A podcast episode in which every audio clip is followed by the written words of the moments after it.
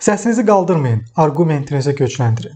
Yaxın zamanlarda qarşıma çıxdı bu ifadə və demək olar ki, əməli başda düşünməyimə səbəb oldu və bilirsiniz ki, mən satış adamıyam. Satışda isə müştəri narahatlıqları ilə qarşılaşmaq demək olar ki, qaçınılmazdır.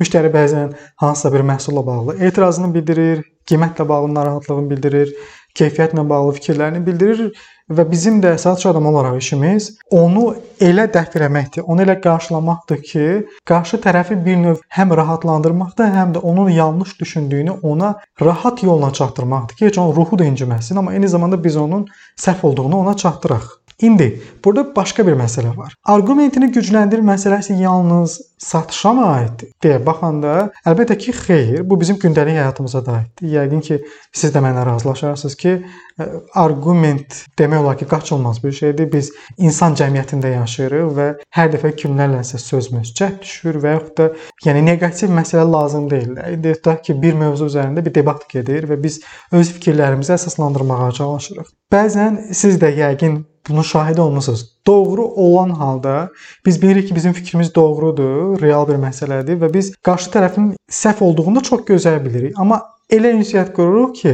sonda özümüz özümüzü səhv çıxardırıq. Yəni danışdıqlarımız ya bir-birimizi, bir-birini inkar eləyir, ya da fikrimizi əsaslandırmağı bacarmırıq. Bax, bu hissədə arqumentimizi gücləndirmək çox əhəmiylidir. Belə hallarda normalda emosional zəkası çox da güclü olmayan insanlar başlayırlar səs tonunu qaldırmağa, qışqırmağa, artıq görür ki, fikrini çatdıra bilmir, aqressivlik göstərməyə başlayır və əlbəttə ki, bu da əgər qarşı tərəf kifayət qədər ağıllıdırsa, elə bunu bizim əleyhimizə istifadə edib bizi səhv çıxardır. Uzun sözün qısası, arqumentimizi necə gücləndirə bilərik? Sualına mən öz təcrübəmdən cavab verəcəm. Buna bağlı çox da oxumamışam əslində. Sadəcə olaraq iş təcrübəmdən qaynaqlanaraqdan buna cavab verməyə çalışacağam.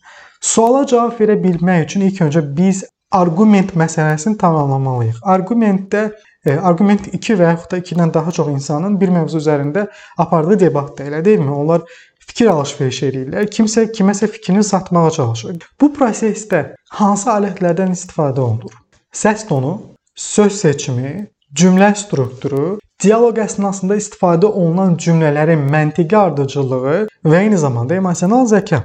Səs tonu çox önəmli bir nüansdır. Səs tonu bizim əslində insanlarla ünsiyyət qurarkən nə qədər qətiyyətli olduğumuzu göstərir. Bəzən görürsüz ki, e, kimsə e, nəsə bir əmr yönümlü və yaxud da onun doğruluğundan əmin olduğu bir cümləni istifadə etməyə çalışır, amma ki, sondakı səs tonu elə olur ki, o heç də qətiyyətli və yaxud da əminliyi göstərmir. Da ki, müştəriyə bir məhsul satmısınız və müştəri məhsulla bağlı nəyisə yanlış eləyib. Siz bilirsiniz ki, müştəri burada yanlışdır.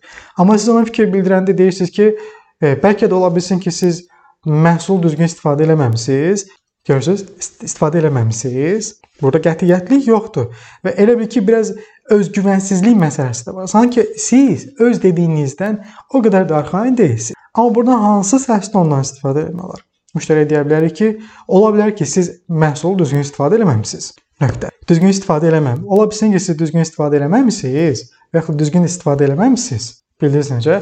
Artıq burada biz bunu bu cür deyəndə qarşı tərəf əslində insanlar özləri də həm şüurlu, yəni ixtiyari, həm də qeyri-ixtiyari şəkildə anlayacaqlar ki, bizim ünsiyyətimizdə nə isə çatmır. Bu artıq səs tonudur ki, bizi ələ verir. Söz seçimi məsələsi çox əhəmiylidir. Bəzi insanların söz bazası çox azdır. Görürsüz ki, ünsiyyət əsnasında daha çox ıyıldamağa yönümlüdürlər. Yəni söz deyirlər, mən düşünürəm ki, əslində məhsulumuz Bu nə deməkdir? Bu adam o deməkdir ki, birincisi bu adam nə dediyini o qədər də yaxşı bilmir. Söz seçimi zəifdir deyə ığıldamaqla vaxt qazanır ki, fikrini tamamlaya bilsin. Yəni düşünür ki, növbəti nəyi deyəcək və hansı sözlərdən istifadə edəcək. Bundan vaxt qazanır. Ildamaq məqsədiyim e, kommunikasiyanın, ünsiyyətin düşmənidir demək olar ki, və burada tövsiyəm ondan ibarətdir ki, ıldamaq əvəzinə sadəcə olaraq pauza verin. Məsəl üçün, əgər ıldayacaqsınızsa, Mən düşünürəm ki, ə, e, məhsulumuz həqiqətən də ə, e, yaxşıdır demək əvəzinə mən düşünürəm ki, məhsulumuz həqiqətən də yaxşıdır. Sadəcə olaraq pauza verməyiniz kifayət eləyəcək. Cümlə strukturu çox əhəmiylidir. Bəzən görürsüz ki, ünsiyyət qurur kimsə, amma ki cümlənin özündə sözlərin yerləşmə məsələsi, yəni Tutaq ki, bizdə belədir. Başda gəlir mübtəda, sonra gəlir, sonda gəlir xəbər. Daha sonra əlbəttə ki, cümlənin ortasında var tamamlıq var, təyin var, hər nədirsə, sözlərin yerini yanlış istifadə edirlər və bu da cümlənin özünün qeyri-effektiv olmasına gətirib çıxardır. Bu da çox əhəmiylidir. Bunun da qarşısını almaq üçün əlbəttə ki, e, həm söz seçimini artırmaq, həm də cümlə strukturunu düzəltmək ən gözəl yollardan biri də çoxlu kitab oxumaqdır. Cümlələrin məntiqi ardıcılığı. Bununla bağlı qəşəng bir hekayəm var əslində. Yaxınlarda e, mentorum olaraq gördüyüm bir yoldaşla görüşdə idim və belə bir arqumentimiz baş verdi ki, mən biraz dini inanclı şəxsən və qayıtdım dedim ki, əslində tərif yaradana, Allaha layiqdir. Yəni Allaha məxsusdur. Onu tərif etməliyik, nəinki biz bir-birimizi. Bu əslində belə baxanda kənardan heç də yanlış bir ifadə deyil, amma mənim mentorum qayıtdı dedi ki, sən 2 dəqiqə bundan öncə məni tərifləyirdin. Deyirdin ki, sizdən yoxdur, yaxşı ki varsınız və 2 dəqiqə sonra, 4-5 dəqiqə sonra mənə deyirsən ki, tərif yalnız Allaha məxsusdur və siz məni tərifləməməlisiniz. Onda elə çıxır ki, sənin bir cümlən o biri cümləni təkzib eləyir. Yəni burada artıq məntiqi ardıcıllıq nə edir? Pozulur. Özüm özümə inkar eləmiş oluram qısa desəm. Bu da ondan irəli gəlir ki, mən cümlələri deyəndə əslində fikirləşmədən demişəm. İndi vay o haldan ki, biz ünsiyyətimizdə, kommunikasiyamızda bu cümlələr arasındakı məntiqi ardıcıllığı pozaq və biz bunu ictimaiyyət qarşısında eləyək. O zaman çox rahatlıqla deyə bilərəm ki, ictimai qınağa açıq olmalısı, çünki insanlar bunu heç də yaxşı qarşılamayacaqlar. Sonuncu punkt emosional zəka olacaq. Emosional zəka məsələsi çox əhəmilidir. Baxırsınız ki, həyatımızda, ətrafımızda doğmalarımızdan elə insanlar var ki, durduq yerə ya görürsən səsini qaldırır, tez emosionallaşır, tez sevinir, tez kövrəlir və yaxud da durduq yerə qıcıqlanır sənə.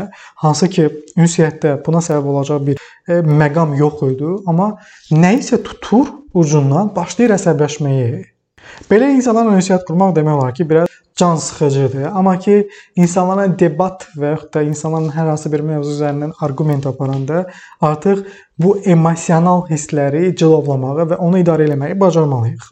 Tövsiyəm həmişə ondan ibarətdir ki, bir də görürsüz ki, arqument əsnasında, yəni debat əsnasında qarşı tərəf sizə qıcıqlandırıcı nəsə bir fikir bildirir. O anda bir anlıq durub yaşadığınız hissi təsdiqləməkdir. Öz içərinizdə əlbəttə ki, hissi təsdiqləməkdir, tanımaqdır və onu idarə etməyi bacarmaqdır. Heç vaxt unutmayın ki, əsəbləşən tərəf, yəni emosiyalarını cilovlamağı bacarmayan tərəf manipulyasiyaya açıq olan tərəfdir. Belə olan halda əmin ola bilərsiniz ki, qarşı tərəf sizi rahatlıqla idarə edə biləcək. Amma o sizi əsəbləşdirəndə və siz onu idarə etməyə başlayanda, yəni emosiyalarınızı idarə etməyə başlayanda artıq qarşı tərəf görəcək ki, siz emosional cəhətdən də möhkəmsiniz və sizi əsəbləşdirmək o qədər də asan olmayacaq. Çox sağ olun ki, səbirlə dinlədiniz. Ümid edirəm ki, bu mövzu sizin üçün bu və ya digər dərəcədə faydalı oldu. Gələcək inşallah mövzularda bu nüanslara ayrı-ayrılıqda toxunmağa çalışacağam. Özünüzü qoruyun. Hələlik.